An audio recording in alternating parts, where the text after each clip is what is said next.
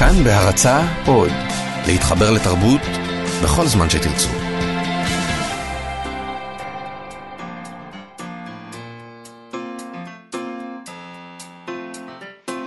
מה שכרוך עם יובל אביבי ומה יעשה לה. שלום, מועדים לשמחה, אנחנו מה שכרוך, מגזין הספרות היומי של כאן תרבות. כמו כל יום בשעה 12 אנחנו כאן, ב-104.9 ו-105.3 FM, באתר האינטרנט של כאן ובאפליקציה כאן אודי. אה, אפשר למצוא אותנו גם בעמוד הפודקאסטים, אה, כל התוכניות שלנו עולות לשם, ושאר התוכניות של כאן תרבות, איתנו באולפן, עפרה לחמי, מיטל כהן, נדב זילברשטיין, יובל אביבי, שלום יובל. שלום. וגם צליל אברהם. היי, מה היה, יובל? אהלן. צליל אה, אברהם עורכת כאן באמת, הדסק הכלכלי בדיגיטל. נכון. אה, תכף נגיד אה, על מה אנחנו נדבר איתך. אה, בינתיים נזכיר שאפשר לשלוח לנו מסרונים בטלפון 055-966-3992, 055-966-3992. אז אה, צליל, אנחנו נדבר על אה, טקסט של ריימונד קרבר, שהוא לא של ריימונד קרבר בכלל.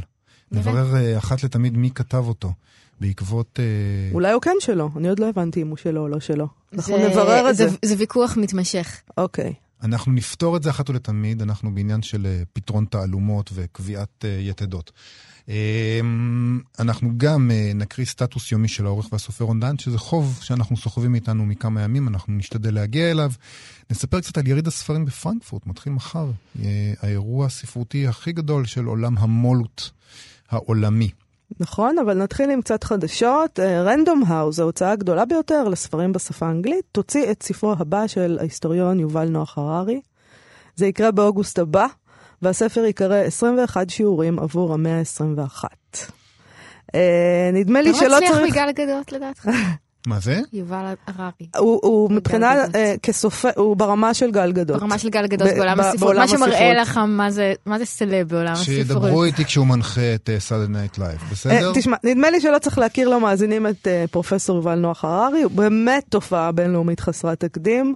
הספרים שלו, קיצור תולדות האנושות, שעסק בהיסטוריה האנושית החל מלפני 70 אלף שנה, וההיסטוריה של מחר, שמנסה לתאר איך תיראה... איך ייראה העתיד של החיה האנושית, תורגמו לעשרות שפות, נמכרו במיליוני עותקים. אה, וכפי שאנחנו מדי פעם מזכירים פה בתוכנית, אה, הוא, הוא כוכב. הוא, ב, הוא ברשימת רובי המכר של הניו יורק טיימס צליל, כאילו. פשוט, Respect, אין מה respect. להגיד, ריספקט. Uh, בכל מקום שתגיעי אליו, uh, באירופה ובארצות הברית, הספרים שלו יהיו על השולחן של רבי המכר. Uh, בוויינט נכתב uh, שבהודעה על צאת הספר אמר נוח הררי, שאם קיצור תולדות האנושות עסק בעבר, וההיסטוריה של המחר בעתיד, הספר הנוכחי יעסוק בהווה, ובדברים שעלינו ללמוד על מנת להכין את עצמנו למהפכה שתביא איתה המאה ה-21. הספר יצא קודם כל באנגלית ברנדום האוס ורק אחר כך בעברית. זה אולי אה, בגלל שנגמרו לו הזמנים בעברית. בעברית יש רק עבר, עתיד והווה, באנגלית יש present progressive, רציתי להגיד שאם אני- אם אני לא perfect. טועה, הספר השני לא היה על העתיד, אלא על ההיסטוריה של העתיד, או העבר של המחר, או נו, זה בדיוק, משהו מת, כזה. זה בדיוק מתאים לכל הזמנים האלה נכון. שאין בעברית, לעבר מתמשך אה, מושלם וכולי. אבל בלי ציניות, באמת זה גאווה גדולה. נכון. כאילו, באמת respect. לא, לא, אנחנו מאוד מאוד אה, אה, הוא בסוף אה, יזכה אותו. מה את אומרת על זה? הררי? כן. לספרות או... אני רוצה להיות בבית של. עמוס עוז כשזה קורה. זה יהיה ממש מעליב. Uh, בכל מקרה, uh, נדמה שהוא ממשיך לקלוע גם כאן בספר החדש לסוגיות שמטרידות את כולם והתקבלו uh, בצורה מאוד uh, רחבה, כי הספר יעסוק בין השאר בדמותו של uh, דונלד טראמפ, נשיא ארצות הברית, המשמעות של הבחירה שלו, uh, בטרור ובפייק ניוז גם, שזה נושא שתמיד מעסיק אותנו. Uh, לפי ההוצאה, הספר יעזור לנו להתמודד עם עולם שהפך לכזה שקשה יותר ויותר להבין, יגרום לנו לשאול את עצמנו את השאלות המהותיות ביותר לעידן הנוכחי. זה מעניין, כי הוא תמיד אה, הבן אדם הזה שנותן לך פרופורציות ואומר לך שזה לא חשוב טראמפ והפייק ניוז והטרור, כי בפרספקטיבה של 30 אלף שנה, אתה בן האדם המאושר ביותר שנברא אי פעם. נכון. נכון. אז כאילו עכשיו, עכשיו זה זה באמת מעניין שעכשיו הוא לא, בוחר כי, לעסוק בזה. כי אנחנו בתקופה הכי טובה אי פעם, ועוד מעט הכל ייגמר. הכל מה. סינגולריות? במלחמת העולם השלישית לא, אין, זה שמארגנים בוטל. לנו, זה בוטל? כן. אה, הם כל? העניין עם הגרעין? וזה נגמר? כן, זה לא- זה לא קורה בסוף. אה, זה גם היה פייק ניוז. אז כאילו. לא, אבל מה שהררי תמיד אומר זה אה, שאנחנו חיים בעידן של שלום שאף אחד לא יכול אפילו לדמיין. ושל שובע. כן. יש נדמה לי. שמבחינתו, בספר החדש, זה הרושם שאני קיבלתי, כמובן עוד לא קראתי את הספר שיצא רק בסוף 2018, אבל נראה שהוא הוא עובר אה, פאזה להסתכלות טיפה יותר פסימית על הדברים. זה מעניין. תשמעי, הוא כותב על המשבר של הדמוקרטיה הליברלית בעצם, אוקיי? אה, יש משבר, אם לא שמת לב. שזה דווקא דבר מאוד מאוד מעניין, אולי סוף סוף מישהו יעמיד אה, מראה מול הדבר הזה ויגיד לנו איך פותרים את המשבר. אה, אם כי לפי מה שהוא אומר על הספר, הוא- הוא באמת לא נשמע אופטימי, כאילו, באשר לפתרון, זה לא, לא יהיה שם איזה פתרון פלא. נור, נוח הררי אמר שמי שישפיע על העתיד שלנו יותר מהכל הם אנשי הדת, שמנצלים את ההמצאות של אנשים בני זמננו לטובת עתיד אפל בהרבה, וכנראה שהספר יעסוק בהתחזקות של הדבר הזה שנקרא דת דווקא. מה שממש מעניין אותי זה ה- איך הפרסונה שלו משתנה, איך הוא הופך להיות זה שתמיד באים אליו לבקש תשובות, והוא נהיה סוג של איזה, אני לא יודעת אפילו למי להשוות, ז'יז'ק כזה? כאילו איזה מישהו כזה שנהיה מן הפילוסוף. של רוח הזמן. אז פעם זה היה אסא אסא כשר. אמ, מין, לא יודעת, כאילו מישהו שמחפשים אצלו איזה מין אה, דוקטור לייבוביץ' כזה, איזה מין כזה. נכון, נכון, דוקטור אני יכול, ליבוביץ'. אני יכול לחשוב על אה, אופציות הרבה יותר גרועות אה, שימלאו את הפוזיציה הזאת ממנו, הוא דווקא נראה לי בסדר. אה, הוא, לא, אני- אה, אני בעדו, אם אני נשמעת סרקסטית, זה- זה סתם, אני לא יודעת למה. אני חושב. שאנחנו אנחנו בהחלט מחפשים את הדמויות האלה שייתנו לנו את התשובות, כן. ואם מחפשים דבר, דמות כזאת, אז הוא נשמע לי בסדר. יכול להיות ש, שהוא תופס איזו פוזיציה מאוד פופולרית, כאילו, וזה הרגע שהוא מחליק כאילו- לתפקיד, זה מסקרן. כן, אבל אתה, אתה לא יכול להיות 100% מעמיק ומורכב כשאתה כותב אה, מדע פופולרי. מה לעשות? כשמו כן, זה מדע פופולרי, וזה בסדר, הוא עדיין מספיק הוא מורכב את ומעמיק, והוא עושה את זה מעולה. ומעמיק, וכן. אמ, עוד ספר שאמור לצאת בסוף השנה שעברה, אה, ש- בשנה הבאה, סליחה, באוקטובר 2018, זה ספר שיריו האחרון של ליאונרד כהן. הזמר מפורסם, כמובן, אה, הוא מת בנובמבר האחרון. אה, מסתבר שהוא ממש עמל אה, לפני מותו להשלים את הספר הזה. אני כבר רציתי להתלונן על הבלבול הזה בין, אה, בין משוררים לבין, לבין זמרים שכותבים שירים, מה שנקרא singer songwriter, נדמה לי, נכון? singer songwriter? משהו כזה. אה, אבל גיליתי בכתבה בהארץ ש- שליאונרד כהן בכלל התחיל את דרכו כמשורר לפני שהתפרסם כזמר. אני לא ידעתי את זה. הוא הוציא כמה שיר, ספרי שירה מוערכים, בהם Box of Earth The Spice מ-1961. כן, ורק- בגלל שהוא יכול לשיר בגיל מאוחר. לא, קצת אחרי זה, במהלך שנות ה-60 הוא עבר להת- להתגורר לניו יורק כדי להתמקד במוזיקה. אז כרגיל אתה אומר, טעית. כן. ובעצם הוא היה קודם משורר. שמח לטעות במקרה הזה. Uh, האמת היא שאני אשמח לקרוא את השירים האלה, כי האלבום האחרון שהוא הוציא לפני שהוא uh, מת היה יפה, מאוד, והוא עסק במוות, שהוא ידע שהוא מתקרב, המוות הזה. אפשר להניח שגם בספר uh, השירים שלו הוא ייגע בנושא הזה, וזה יהיה מעניין uh, לקרוא. נקריא שיר שלו? טוב. Uh, טוב? לא חייבים. כן. מבחינתי עדיין לא מדובר במשורר פשוט. אני גם לא מבינה למה כולם כל כך מעוניינים בתואר ליאונרד הנ- כהן הוא לא הזה. משורר בעיניך? לא. זה באמת? בסדר, ב- זה בסדר גמור, מבחינתי הטקסטים שהוא כתב הם מושלמים, אה, אבל לא, אין צורך לקרוא לזה שירה, זה singer songwriter, וזה בסדר גמור, כאילו. הרצון הזה כאילו להיות בגבוה, אני חושבת שזה נהדר להיות בנמוך.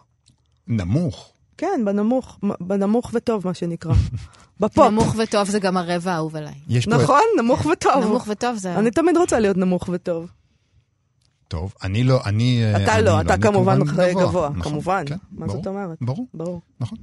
Uh, אני בכל זאת אקריא uh, שיר, זה מתוך uh, הספר הכמיהה, יצא בכנרת זמורה ביטן ב-2007, תרגום של קובי מידן. Uh, לפי מה שאני קורא, חלק מהשירים uh, בספר הזה נכתבו בשנים 93 עד 99, שאז כהן שוב פרש מעולם המוזיקה. ועבר להתגורר במנזר זן בודהיסטי ליד לוס אנג'לס. איזה מיקום טוב למנזר זן בודהיסטי ליד ליד לוס לוס אנג'לס. אנג'לס. כך הולך הש- השיר הראשון, שנקרא גם הוא ספר הכמיהה. לא אבוא לגבעות, לגבעות, המכשור לא פועל. אני חי על גלולות ומברך את האל. עשיתי דרכי ממהומה ליצירה עם סוס של תשוקה וקרון עצב נורא. שט שנים כברבור, וצולל כבול עץ, אך פשטתי מזמן את תלבושת הלץ. עם דף כה חיוור וטיפות דיו, דיו, דלילות, יומי לא שכתב את טיוטת הלילות. מלאכי מדוכדך, החיה מרעימה, אבל כל חרטה אסורה ויהימה. כי זאת שתבין מה נבצר מנפשי, תזכה בליבי, לא באופן אישי. היא תצעד בנתיב, היא תבין את שפתי, רצוני המנופץ בין שפריו, חירותי. חיינו יודחו לשנייה מתוחה, האינסוף מנוטרל, הדלת פתוחה, וממישהו כמותך היא חיים תקבל, מה שאיש לא עשה, היא תמשיך לחולל, היא תבוא בקרוב, היא תביט בוודאי, וזו הכמיהה ואלה שיריי. אני רואה שלא השתכנעת. הוא לא משורר. כאילו, אין... נשמע כמו סיבה אלתרמן לא- לעניים. אני רוצה לשמוע את זה באנגלית. בדיוק, באנגלית זה נשמע יותר טוב, אני די בטוחה בזה. אנחנו יכולים לחפש את השיר באנגלית ולהקריא גם אותו. אה, אז אנחנו מבינים שסטטוס בפייסבוק שפרסם העיתונאי יגאל אה, והסופר יגאל סרנה החזיר אותך לפולמוס ספרותי עתיק. כן. בואי אה, תסבירי לנו על מה מדובר, תקריא לנו את הסטטוס ונבין מה קורה. אז מה שקורה, קורה שאדם נולד לתוך ארץ זרה. שלמרות שיש לו אב ואם, אחים ואחיות, שפה ותרבות, הוא בעצם ממקום אחר, והוא לא יודע את זה. הוא כואב כל חייו עד שהוא מבין, הוא מתחיל את המסע חזרה אל ארץ מולדתו, שמעולם לא היה בה, ואף אחד לא יכול להבטיח לו שהיא אכן קיימת. אדם כזה נולד לתוך גיהנום. ובהתחלה הוא אינו יודע שזה הגיהנום. הוא ממשיך לחיות את חייו וליפול שוב ושוב, ורק אחרי זמן ארוך משהו קורה. איזה רגע של חסד, שבו הוא זוכה לראות, ולו לרגע מהיר ובהיר, את המקום שלו. פיסה גלויה קרועה מן המקום שלו, נאמר. או מישהו משם שחולף על פניו ומחייך. רגע שמשנה את חייו, משום שבבת אחת הוא מבין שאכן יש מקום כזה, שהוא לא חולם, שיש חיים טובים מאלה שהוא חי עכשיו. וגם, כמובן, באותו הרגע הוא מבין שהוא חי בגיהנום. אז מה זה הטקסט הזה שהקראת לנו את הטקסט הנפלא והמדהים הזה. אמ, סרנה העלה, כן. כי- מתוך, זה מתוך העמודי סטטוסים ספרותיים, אוקיי, שמעלה כל- מיני ציטוטים מס- מספרים, שיריו ומחזות, ו, אה, אה, והספר הזה מופיע בהקדמה לספר שירים של ריימונד קרבר, שיצא בתרגום עוזי וייל. אוקיי. אה, ויגאל סרנה שיתף את התמונה. ואני אקריא מה. הוא כותב, הוא כותב אלו שורות עזות, פרפרזה על טקסט קדום הרבה יותר, אבל מובאות בלשונו המדויקת, לא אחת, של ריימונד קרבר אהובנו. כן. זאת אומרת, הוא אומר, זה של זה ריימונד של קרבר. קרבר. עכשיו, הפסקה היפיפייה הזאת באמת, אה, היא מצוטטת המון, כי כי היא פסקה היא יפהפייה. אדירה, וכי גם אני חושבת, המון אנשים שקוראים אותה מרגישים שזה נכתב עליהם. אה, ומצאתי אותה, חוץ מבסטטוסים ספרותיים, מצאתי אותה בכתבי עת לפסיכולוגיה, באתר של חוכמת הקבלה, באתר הסתדרות המורים, באתר של הוצאת ידיעות ספרים, באיזשהו בלוג אוכל. שבכולם זה מיוחס לריימונד האלה, קרבר. כן, זה יוחס לקרבר. אה, אוקיי. אה, והשאלה היא, גם אצל אה, סרנה כבר מתחיל מתחיל הדיון הזה של כן. אנשים שם שאומרים שזה לא ריימונד קרבר כתב. נכון. אה, בעצם זה מופיע בהקדמה אה, לספר שכתב עוזי וייל, שתרגם את הספר של קרבר וספרים אחרים שלו. אבל בכל מקום זה מיוחס לקרבר בטעות, ואני גם ציטטתי את זה באיזשהו טור שכתבתי, אה, וקיבלתי המון טוקבקים שכתבו, את טועה, זה לא עוזי וייל, זה קרבר, ועניתי להם, והלכתי לחפש, ואמרתי להם, אתם טועים, זה קרבר, אה, זה וייל, והם אמרו לי, לא, את טועה, זה קרבר, וגם בסטטוס של סרנה זה מופיע, ובכל מקום שזה מופיע בעצם, מופיע, הפולמוס הזה. על מה היה אה, הטור שבו כללת את זה?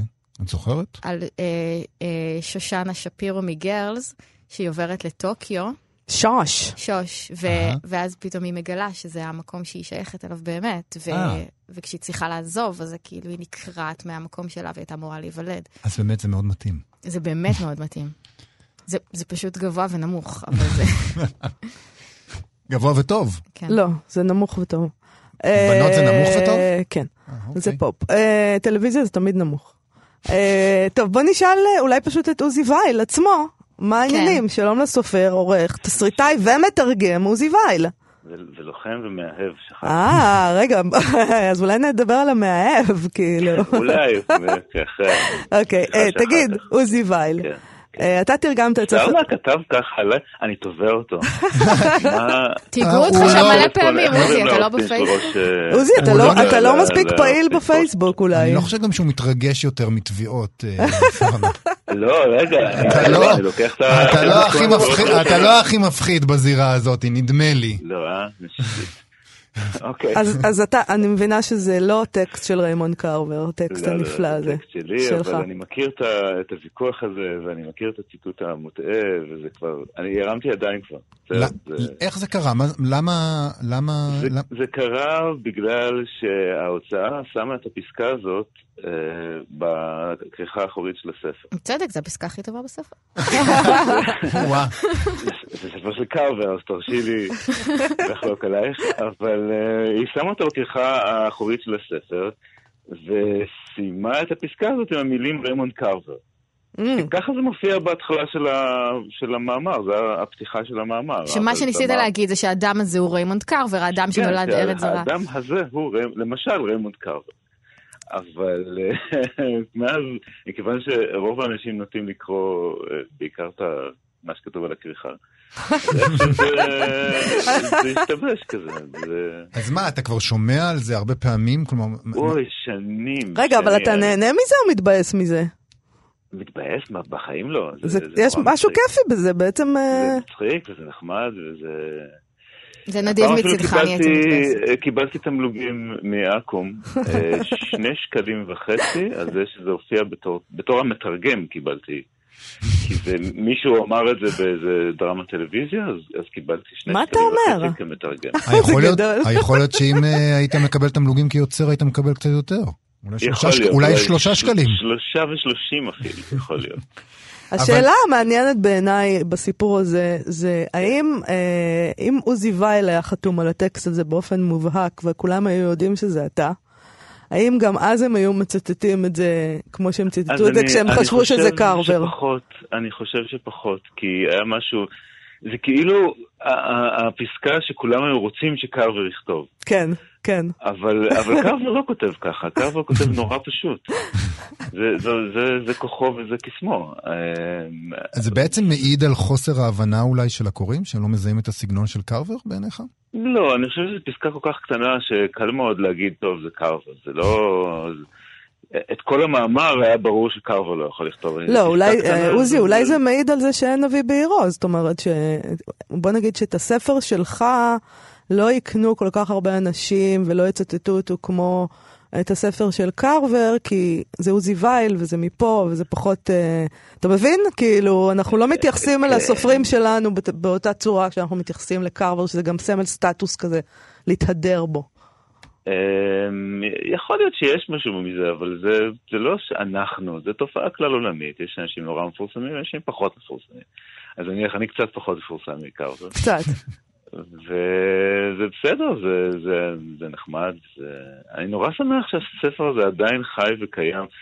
אחרי זה, זה כמה, 15 שנה, 20 שנה שהוצאתי אותו. זה אני ממש... אה, ש... 15-20 שנה כבר, וואו. אני חושבת שזה היה, 15 שנה. זה היה תופס באותה מידה, גם אם עוזי וייל היה חתום על זה באופן כן? מובהק. כן? כן? כן. זה אני חושב זה שזה פשוט. קטע אני, מאוד אני חושבת שאנחנו מאוד לא קולע. מפרגנים באותו אופן אני לסופרים חושב כאילו שזה באמת איזה ישראלים. מפגש כזה, שזה כי באמת, אה, איך שאנשים רוצים שקרבר היה מסכם את בדיוק, עצמו. בדיוק. זה גם איך שאנשים אה, רוצים לחשוב על עצמם, עוזי, לדעתי. כן, אז זה להיות. היכולת של עוזי אולי. לעשות, לכתוב טקסט כזה, אבל... כל אה, כך הרבה אנשים קוראים את זה וחושבים שזה הם, וזה לא יכול להיות כולם, כאילו. לא, אני לא חושב שזה מה שהם היו רוצים להיות. אני מרגיש שהם כלואים בתוך, אה, בתוך עולם שהטקסט הזה נותן איזו אפשרות לצאת ממנו, כן. ושיש תקווה שאתה יום אחד תגיע לטוקיו ותגלה שזה העולם שלך, ולא תצטרך לחזור. אה, אני חושב אבל שזה... אני חושב שזה גם משהו ש... אני, אני, אני אשאיר את הקרדיט מסוים גם אצל קרבר, כי כשאתה מתרגם משהו לאורך שנים, וזה ספר שלקח לי בערך זה כמה, שבע, שמונה שנים לתרגם אותו לאט לאט, לא עשיתי את זה יום יום. אבל אמ, אז אתה קצת חי, אתה נהיה קצת הדבר שאתה מתרגם. אז אה, בעצם... אז זה בהשפעת. ממש בהשפעה. כן. אני לא חושב שהייתי כותב את זה אם הייתי מתרגם כל הדברים האחרים שתרגמתי. זה, זה, אתה קצת נהיה הבן אדם שאתה מתרגם. וקרבר יש לו את ההשפעה הזאת, הוא מסוגל לזרוע זרעים של, אה, של פשטות ובהירות בתוך המחשבה שלך. וזה מה שיצא. רגע, עוזי, אתה יכול לשתף אותנו במה אתה כותב עכשיו, או מתרגם, על מה אתה עובד עכשיו? אה, עכשיו אני אה, גמרתי בדיוק ספר מאמרים שלי, מין קובץ מאמרים כזה שאספתי במשך השנים. ואני אה, עוד מעט אה, יוצא לצילומים של סדרת טלוויזיה, שלא אני, אני גמרתי את עבודתי, אני התסריטאי, עכשיו הבמאי צריך לעשות... ספר, איפה סדרה זה? חדשה? אה, סדרה חדשה שהיא תהיה ב-yes, קוראים לה עיר מקלט, והיא מבוססת על ספרו של ליעד שוהם, אה, סדרת מתח, עם הרבה הרבה אקשן ו... טוב, אני לא מאחלת לך שזה יצליח, ושיקנו את זה גם בהוליווד, ואז בכלל. ותעקוף את קרבר. אני רוצה שקרבר יימכר בהוליווד, ואז אני אקח... טוב, תודה רבה, עוזי. תודה רבה. להתראות. תודה. עוזי וייל. אה, ותודה לך, צליל אברהם. תודה, מאיה. מה, את אה, נחה דעתך? הוא אישר... אני תמיד ידעתי שזהו. לא, אז עכשיו- אני רק רצ- רק רציתי שהעולם ידע. העולם עכשיו יודע, כי כן. כולם מאזינים לנו, ועכשיו זה חקוק בסלע. וגם אתם צריכים להיות סוכני השינוי, ובכל מקום שאתם רואים את זה, להגיד שזה וייל. עכשיו אנחנו נדע. תודה. תודה רבה, צליל אברהם. אה, מחר ייפתח אה, יריד הספרים בפרנקפורט, אירוע הספרות הגדול בעולם, אה, שהוא הוא מתקיים, נודע לי, כבר מימי הביניים. ככה זה, אה, ועדיין. מחזיק מעמד, זה די מדהים. יציגו בו כ-7,000 מו"לים אה, מ-100 מדינות, והוא אמור למשוך קהל של כמעט 300 אלף איש. אה, בשנה שעברה היריד התמקד בדרכים שבהן מו"לים יכולים לאמץ טכנולוגיות חדשות, כמו מציאות מדומה או הדפסות בשלושה ממדים. אה, הפעם המארגנים נחושים לחזור למקורות ולשים במרכז את הכותבים והקוראים. בכתבה בגרדיאן שקראנו, תיארו אנשי היריד את המגמה של אה, אוהדים שעומדים, אוהדים מעריצים, אוהדי ספרות, כן. אה, שעומדים שעות בתור ארוך כדי לפגוש סופר או סופרת במה שמזכיר לטענתם הופעת פופ. בעיניי זה די- מוצא חן, אני מודה. כן, זה מוצא חן. מאוד. איכשהו נראה לי, ש... נראה לי שבמאמץ שלהם אה, להחזיר את הסופרים למרכז, הם עוסקים יותר בשיווק ובנראות מאשר בספרות. אה, באותה כתבה המארגנים מספרים אה, על הכוכבים הגדולים של השנה, אה, שיגיעו ליריד, מרגרט אטווד למשל, כמובן, ודן בראון, שיציג את הספר החדש שלו, אוריג'ין, שאמור להיות איזשהו, אני- לפי מה שאני הבנתי, אמור להיות מעין המשך, או ספר חד- חדש בסדרת צופן דה וינצ'י, אז כמובן זה מושך הרבה מאוד עניין. הוא אמור לחשוף את הספר הזה מול קהל של 1,800 איש שיבואו לאירוע הזה, זה די מרשים. אה, מנהל היריד אומר בכתבה הזאת שלא יכולנו לקיים אירוע כזה שמושך כמעט 2,000 איש בעבר. והוא מציין גם שיש לו תוכניות להרחיב עוד יותר את הדברים האלה בעתיד, כי, וזה ציטוט שלו, התעשייה שלנו צריכה לחשוב על דימוי. אנחנו צריכים לגרום לעסק הזה להיראות יותר זוהר. וזה די נורא, זה לא, זה לא מוצא חן בעיניי, לא. אני חייב להודות שלא. כאילו, יש לי... אני אוהב זוהר, אין לי בעיה עם זוהר, אה, אבל נדמה לי שלהפוך את הסופרים לכוכבי רוק באופן אה, מלאכותי יוצא די פתטי בסופו של דבר. אה, אני חושב שהסופרים שיסכימו למהלך הזה, ויעשו את זה טוב, זה באמת אנשים כמו דן בראון, שממילא יודע איך לקנות את לב ההמונים, ואיך לעמוד על הבמה ולהלהיב, וכותב ספרות שמלכתחילה נועדה להיות פופולרית מאוד, וצבעונית, ומושכת. ומי שידחק החוצה מכל האירועים האלה הם הסופרים הטובים שלא רוצים לשחק את המשחק, אלא רוצים באמת שהיצירה שלהם תישפט כשלעצמה. טוב, אה, פשוט שום דבר, אה, אני לא יודעת אם שמת לב, אבל שום דבר לא טוב בשבילך. אז במובן הזה נהיית קצת ארצ'י בנקר. תמיד הייתי. שמתלונן, אולי. לא הכרתי אותך תמיד. אז מבחינתי זה ממש תגלית כזאת שאני מגלה לאט לאט. עד לא מזמן דיברו על זה שהיריד הזה גוסס. אה, בשנים האחרונות ככה דיברו על זה שזמנם של הירידים מהסוג הזה נגמר בעידן האינטרנט, כי המהות של יריד מן הסוג הזה זה בעצם העסקאות שנחתמות שם, יש שם בידים על ספרים וזה, וממילא הכל נסגר במיילים ואין צורך יותר בירידים, והנה מצאו דרך להחזיר אותו לחיים. Uh, הסופרים הופכים לסופרסטארים, אגב, זה תמיד היה קצת ככה, אלה, אלה הגדולים, המפורסמים וזה. Uh, וזה כולל דווקא סופרים רציניים בהחלט, כמו מרגרט אטווד ומישל וולבק, שגם התארח שם, וגם זה לא טוב לך. אז מה אני אגיד לך? אתה יודע, מי שלא ירצה בזה, לא יכריחו אותו, אל, אל דאגה. אני לא הכל בטוח יהיה שלא בסדר. יכריחו אותו, הרבה פעמים מכריחים... לא, אה, אי אפשר להכריח בן אדם uh, לעמוד מול 1,800 איש, אם אה. הוא לא רוצה בכך. אפשר להכריח אותם לעשות כל מיני דברים בשם האחד. זה מזכיר לי את, ה... את, ה... את הטור של פרנזן, את המאמר שלו על לחצי היח"צ שהובילו אותו בלית ברירה לאופ... לתוכנית של אופרה ווינפרי, והוא לא אהב את זה, והוא עשה את זה בכל זאת. בסוף הוא לא עשה את זה, אבל זה היה שערורייה גדולה. אה, נדמה לי גם שהרצון של היריד השנה להיות פוליטי, אה, נובע מהרצון לעורר פולמוס וכותרות, שיהיה אקשן. אה, אורחת הכבוד של היריד השנה היא צרפת, יש שם הרבה עיסוק בספרות אה, צרפתית. והם מסבירים שם שחלק מהדיונים יעסקו בכלל בעתיד של האיחוד האירופי, ויהיו שם אה, אירועים שיעסקו אה, בחופש הביטוי בטורקיה. אה, ידבר בהם בין השאר אה, כותב טורקי גולה, אני מקווה שאני מבטא את שמו נכון, כאן דנר, דונר, דנר, לא יודע איך מבטאים את זה בטורקית. אה, ויש אה, סיכוי סביר שהאירועים האלה גם ימשכו המון המון תשומת לב שלא קשורה בכלל אה, אה, לספרות. ואני אומר, טוב, נכון, יכול להיות שאני פשוט ילד כרגיל, אני לא, לא, אין דבר כזה, תשומת לב שקשורה רק לספרות. מן הסתם כל איזה, כל ספר צריך איזה טוויסט תקשורתי מופרך שיהפוך אותו למעניין, וזה כאילו העצלנות והמציצנות העיתונאית שאת תמיד מדברת עליה. כפי שכבר אמרתי בעבר, אתה מחמיא לעצמך כשאתה אומר שאתה ילד, כמובן, אתה כבר לא ילד, אתה סתם אינפנטיל, וכרגיל מעוות את הדברים שאני אומרת. אני לא חושבת שספרים uh, צריכים uh, את הטוויסט התקשורתי המופרך כדי שיהפכו למעניינים. הספרים הם מעניינים, או הם טובים, אם הם כאלה, והם יהיו כאלה גם בלי טוויסט תקשורתי מופרך וגם בלי הרבה קוראים. כאילו, אתה פשוט מבלבל פה שני אלמנטים. כרגיל. כן. בכל מקרה, זה עדיין האירוע הגדול בעולם לבתי הוצאה לאור. כל מי שהוא משהו בעולם הספרות הבינלאומי יש שם, כולל הרבה מאוד בתי הוצאה לאור אה, ישראלים. אני כבר אה, שמעתי על כל מיני אה, אה, אנשים שנוסעים לשם, אנחנו אולי אפילו ננסה לדבר עם חלק מהם בשבוע הבא, לשאול אותם אם, אם קרה שם משהו מעניין בכלל, אחרי שהם יחזרו. אה, שיתוף הפעולה של היריד עם צרפת השנה, וגם האזכור הזה שהיריד נולד פחות או יותר ביחד עם הדפוס. אה, שלח אותי ל, אה, לחפש מה אמרו בעיתונות העברית על היריד בעבר, ולא נתקלתי בהרבה דברים מעניינים כל כך, אבל אחד הדברים היחידים שכן היו מעניינים היה מאמר של שולמית לפיד ממעריב ב-1979, תחת הכותרת האטה בייצוא, הספרות מצרפת.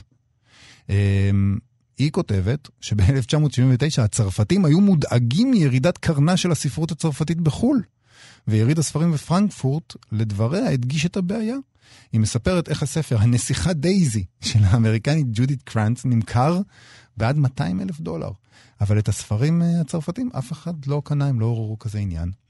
המסקנה הקשה מן היריד, כך היא כותבת, היא כי צרפת מאבדת את ההגמוניה התרבותית שלה. הצרפתים תולים את הסיבות לשקיעת העניין ברומן הצרפתי בעובדה שהאמריקאים, מלכי השוק, מתעניינים עדיין ברומן החדש הצרפתי שהתיישן בצרפת עצמה.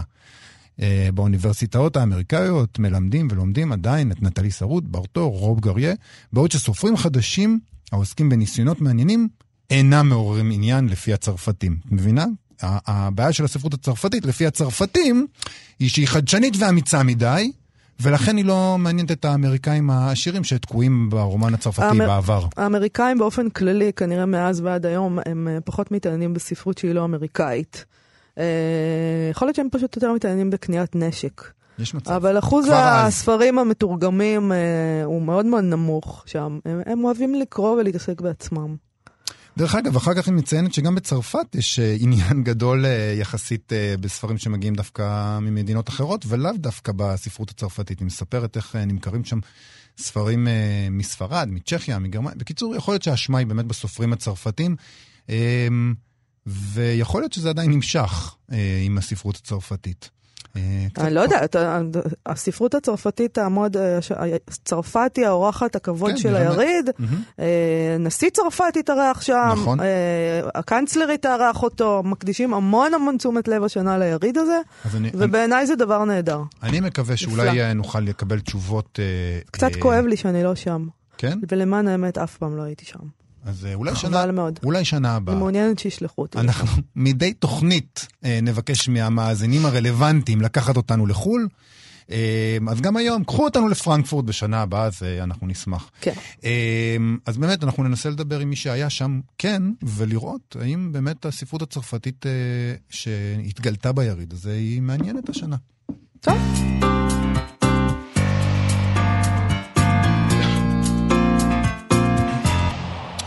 טוב, אנחנו בפינת הסטטוס היומי שלנו, עם אה, חוב מן העבר, אה, רשומה... אתה אומר עבר, אבל זה היה אתמול, אז כאילו. נדמה לי. שכבר כמה תוכניות אנחנו מנסים, לא? רק לא, אתמול? כן. עדיין, אתמול זה עבר. אה, אז זה רשומה מפייסבוק של רון דהן, משורר, סופר, עורך, איש חנות הספרים אינדי בוק. הוא נמצא בליטא דווקא, גם הוא בחו"ל, בפסטיבל שירה בליטא, והוא כותב בפייסבוק יומן. כך הוא כותב, יומן ליטא.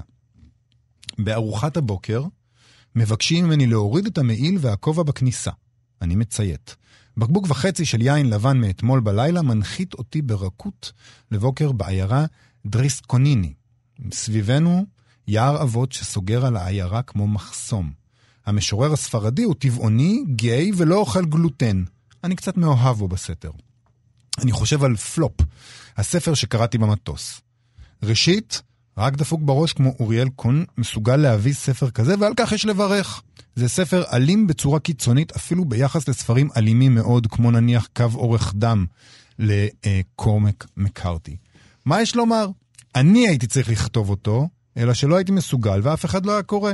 זה ספר שלמעשה מחזיר את הגוף למקומו הטבעי, העלוב, כאתר של פצע ומאבק. הוא מפשיט את החברה האנושית ומשאיר רק את עצם העניין. הישרדות. סביבי יושבים כעת משוררים שאוכלים נקניק לארוחת בוקר. יותר מאוחר אלך לקרוא בפני תיכוניסטים שירי מלחמה. מוזיקת מעליות וגעגועים. אני קם מהשולחן. הוא כותב נהדר את היומן הזה. אה, ביום אחר הוא כותב יומן ליטא. יוצא לשיטוט צהריים לאחר ביקור וקריאה בתיכון המקומי. זה היה מביך ככל שניתן.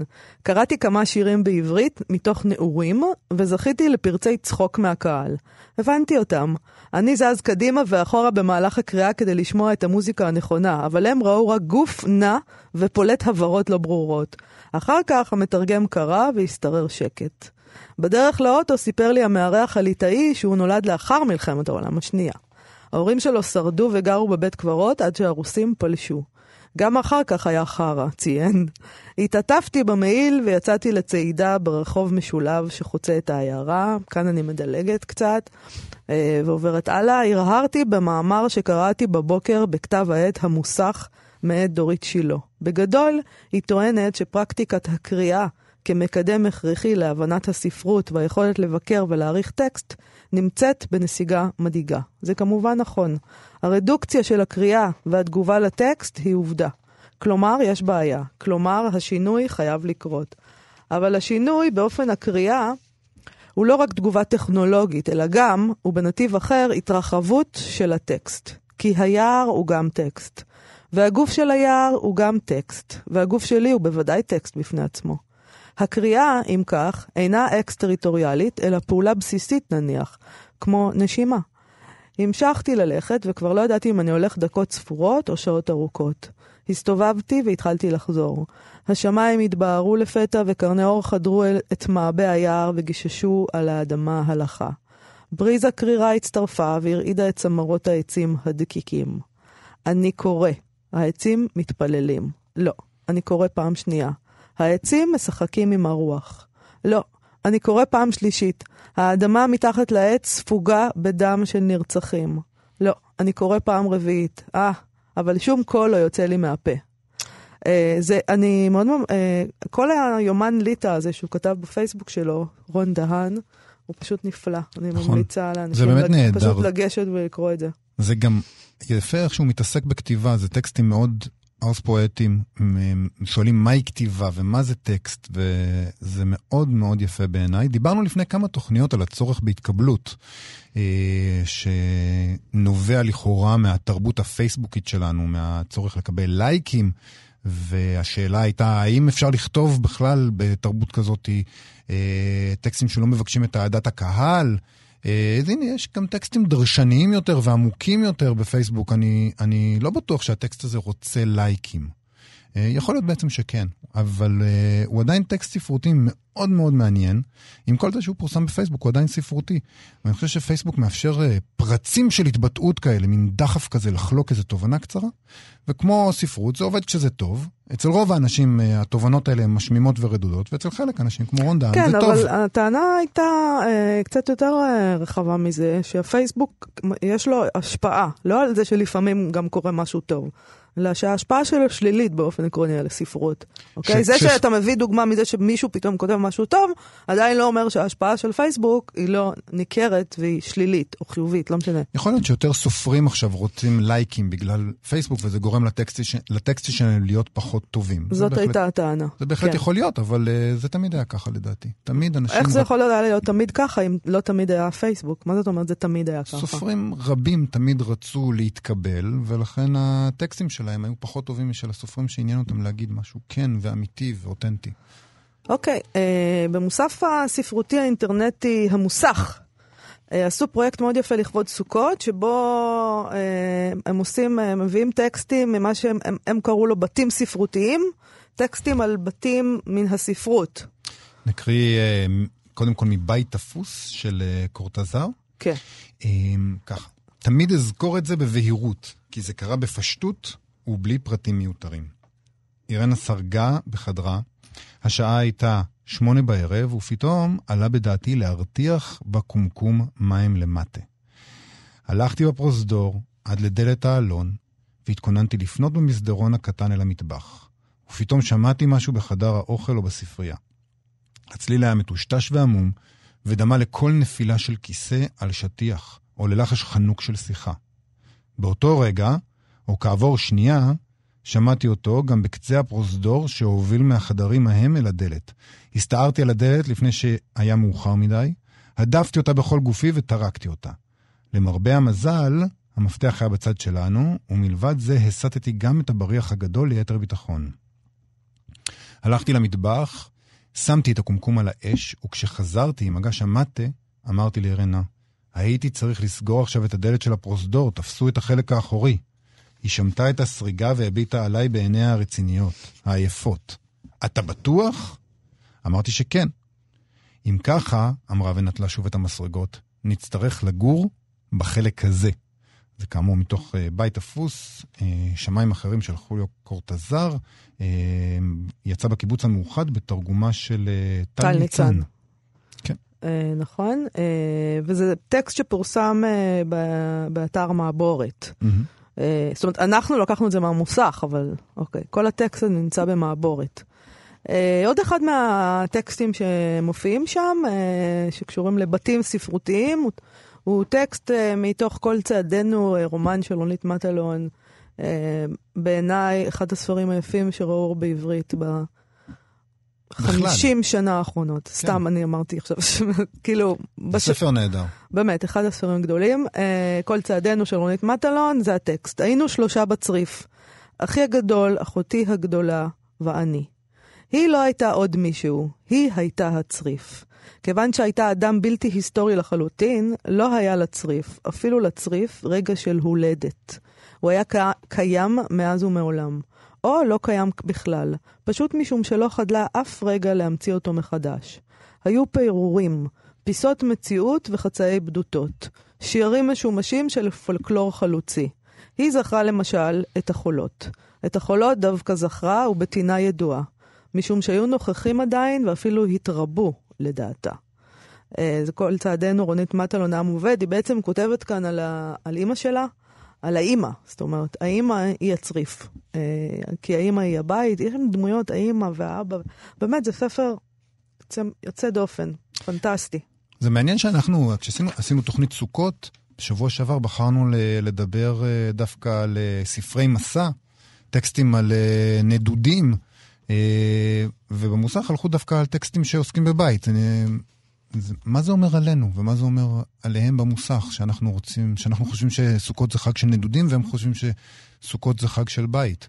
אה, לא יודע, אבל אלה שני קטעים יפים מאוד. זה ש... שני, זה אותו דבר בעצם. נכון, זה- זה- זה- זה אתה- נכון. אתה, צריך, אתה רוצה לנדוד ולעזוב את הבית, ואז אתה רוצה את הבית. נכון. והסוכה היא כאילו... זה גם זה הטקסטים מתחלף. האלה, הטקסטים האלה מדברים אה, אולי על הרגע שבו הבית נולד, על הרגע שבו הבית נוצר, ואז באמת זה לא כל כך שונה מטקסטים על נדודים. נדודים זה באמת המקום שבו אה, מנסים ליצור את הבית. וזה מתקשר גם לטקסט הזה של אה, עוזי וייל, כן, שצליל הקריאה בתחילת נכון, התוכנית. נכון. העניין הזה של אתה מרגיש זר, עד שיום אחד אתה מגיע לאיזה מקום ואתה מגלה שלשם אתה שייך. אתה, אה. אתה מתחיל, אתה מבין שאתה מרגיש זר, אתה, אתה מבין שאתה מרגיש זר במקום אחד כשאתה מגלה את המקום החדש, כשאתה מגלה את הבית הבא. כן, זה נכון. אז אה, אני, יש עוד, עוד כמה וכמה טקסטים מאוד מעניינים במוסך, אה, שקשורים לבתים ספרותיים. אה, מומלץ ללכת לראות את זה. אני רוצה, ברשותך, לקראת סיום, להמליץ, זאת אומרת, אני ממליצה גם לעצמי, כי לא ראיתי, ביום חמישי, שזה מחר... היום איזה יום? שלישי, שלישי. זאת מחרתיים, אומרת, כן. מחרתיים בכאן 11 ישודר סרט דוקומנטרי של אלדד בוגנים וישראל וינקלר על המשוררת מירי בן שמחון, אה, שאני מתכוונת בהחלט לראות, ויש אה, כתבה של איתי שטרן בגלריה הארץ. אה, על, על מירי בן שמחון ועל העשייה של הסרט. אני, יש פה ציטוט של מירי בן שמחון כדי להבין את דמותה, כי חלק מהעניין, גם כנראה שיהיה בסרט, זה האובססיה שהיא פיתחה כלפי מאיר ויזלטיר. אז היא כותבת, אז המת, הכתבה מתחילה כך, בציטוט שלה, יש לי תחושות מיסטיות מוחשיות עד ייאוש, כאילו המפגש בינינו עם עוד משמעויות, מקריאה המשוררת מירי בן שמחון, מתוך מכתב שלא נשלח אל מי שהייתה מאוהבת בו זמן ממושך, המשורר מאיר ויזלטיר. הקראת קטעים מהמכתב לצד הקראת שירים, שיריה שלה, הם שניים מהצירים של הסרט אהבה מתרגשת לבוא, סרט תיעודי חדש, כאמור שישודר ביום חמישי הקרוב בכאן 11, ועוסק בחייה ובשירתה של בן שמחון, משוררת נפלאה ונשכחת למדי, שזוכה כעת לעדנה מחודשת. אמ, בס... תראה, אני חייבת להגיד משהו, אני... הסרט מאוד מעניין, ומירי בן שמחון נורא מעניינת. אני כבר בערך 10 או 20 שנה, נגיד 10-15 שנה, כל פעם שמזכירים את השם מירי בן שמחון לידי, או בכתבות, וזה קרה, אפילו אני כתבתי עליה, מדברים על המשוררת הנשכחת מירי בן שמחון. זאת אומרת, היא לא כל כזאת נשכחת? אוקיי, תקשיב, אה, היא לא כזאת נשכחת, נו, באמת. כלומר, אני בעד, זה מאוד מסקרן אותי לראות את הסרט, אני שמחה שעשו אותו, אני שמחה שעוסקים בה, אבל ה... העניין הזה של הנשכחת, אתה יודע, היא מתה בגיל די צעיר, אז היא לא הספיקה לכתוב ולפרסם הרבה, זה נכון. אני לא יודעת לגבי הנשכחת, כאילו... לא יודע. אנשים בעולם השירה, זאת אומרת, אין איזה מישהו שיגיד לך, "אני לא שמעתי את השם הזה, מירי בן שמחון, אוקיי? אז זה נראה לי טיפה קצת... אה, יות- קצת מוזר, היא הוציאה שלושה ספרי שירה בחייה, היא זכתה לשבחים מצד משוררים ומבקרים, אה, כאילו, משוררת מוכרת. אז אחת הטענות של אלדד בוגנים, שהוא מיוצרי הסרט, מופיע כן. בכתבה, הוא טוען שהקאנון עדיין מדיר אותה. מספר שם על איך yes לא רצו לעשות את הסרט אה, עליה, בעוד שהם כן הפיקו את הסרט המוקומנטרי של יאיר קדר, על ליליאן לוי, ש... אבל הוא זה- מספר שזה דמות בדויה של משוררת, אני רק מספר את הטענה אני, שלו. אני שקראתי, אה, אני חושבת שזה זה נראה לי קצת מופרך. מופרך. כן, yes, אתה יודע, yes עושים את מה ש... זה העניין של כסף, הם משקיעים במה ש... מישהו ישב שם ואמר, זה נראה לי תסריט יותר מעניין מזה, יש לי כסף רק לזה. זה לא, כאילו... לא יודעת, אני לא גם לא נראה יודע, אני. לא, לא, לא מכיר את הסיפור של מאחורי הקלעים, אבל בהחלט אני מבין את התסכול שלו שמפיקים סרט על מישהי שלא קיימת, שזה סרט מוקומנטרי. אני רוצה בני- להגיד לך, אני ראיתי את הסרט ל- הזה של יאיר קידר, כן. אה, ואילן פלד אגב. אה, זה סרט גאוני, אוקיי? גאוני, פשוט, מרגש, אוקיי? אז זה, זה מה שיש לי להגיד על הסרט הזה. אני לא... אני לא יודעת מה התסכול, אבל הסרט שלהם פנטסטי. אוקיי, אז אפשר לראות... אני מבינה את התסכול של כל יוצר קולנוע שלא מקבל תקציב כדי לעשות את הסרט שלו. זה ואפשר תסכול. רק לסמוך ששני הסרטים בסופו של דבר הופקו, ואפשר לראות את שניהם, ובהחלט אני- הסרט הזה אה, נשמע אה, מאוד מאוד מעניין. כאמור, יוקרן ביום חמישי אמרנו. נכון. בכאן 11. כאן 11, אה, אני, אני, אני אצפה בזה, כי זה באמת, היא באמת אה, מאוד מאוד מעניינת בעיניי. אה, השירה המזרחית הצעירה העכשווית מנסה להפוך אותה לאם הגדולה שלהם עכשיו, אה, זה בסדר, אוקיי. נראה. שיהיה בהצלחה. אה, סיימנו אנחנו צריכים כן? לסיים. אה, אנחנו... מחר לא נהיה כאן. לא, מחר לא נהיה, זה ערב חג. אנחנו אה, נחזור אנחנו ביום נחזור ראשון. ביום ראשון. אה, אנחנו כאן מ-12 עד 1, אה, בימים- בימי חול בדרך כלל. ב-104.9 ו-105.3 FM, באתר האינטרנט של כאן ובאפליקציה כאן אודי. אה, בעמוד הפודקאסטים גם אפשר למצוא את כל התוכניות שלנו ואת שאר התוכניות של כאן תרבות. תודה רבה לעופרה הלחמי, תודה למיטל כהן ותודה לנדב זילברשטיין. וליאיר ניומן, אה, גם יאיר ניומן, כן, בטח. מתחלפים שם תודה גם. לו, וחג שמח. חג שמח.